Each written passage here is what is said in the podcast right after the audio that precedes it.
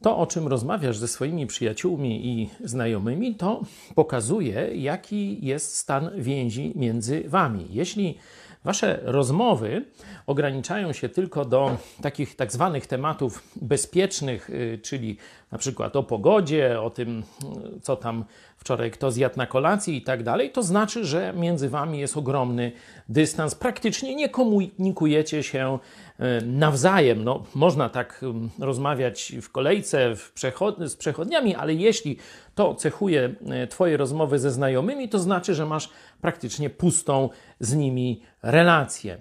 Drugi, wyższy poziom, no to są rozmowy, gdzie dzielisz się opiniami. Nie?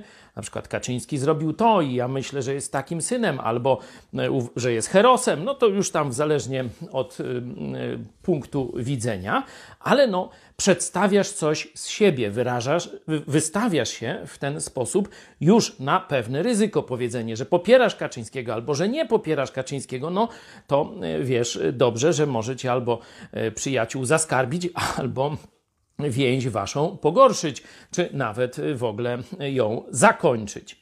Ale to jeszcze, opinie to jeszcze nie jest najwyższy poziom komunikacji. Najwyższy poziom komunikacji, jeśli taki stosujesz, to naprawdę masz przyjaciół.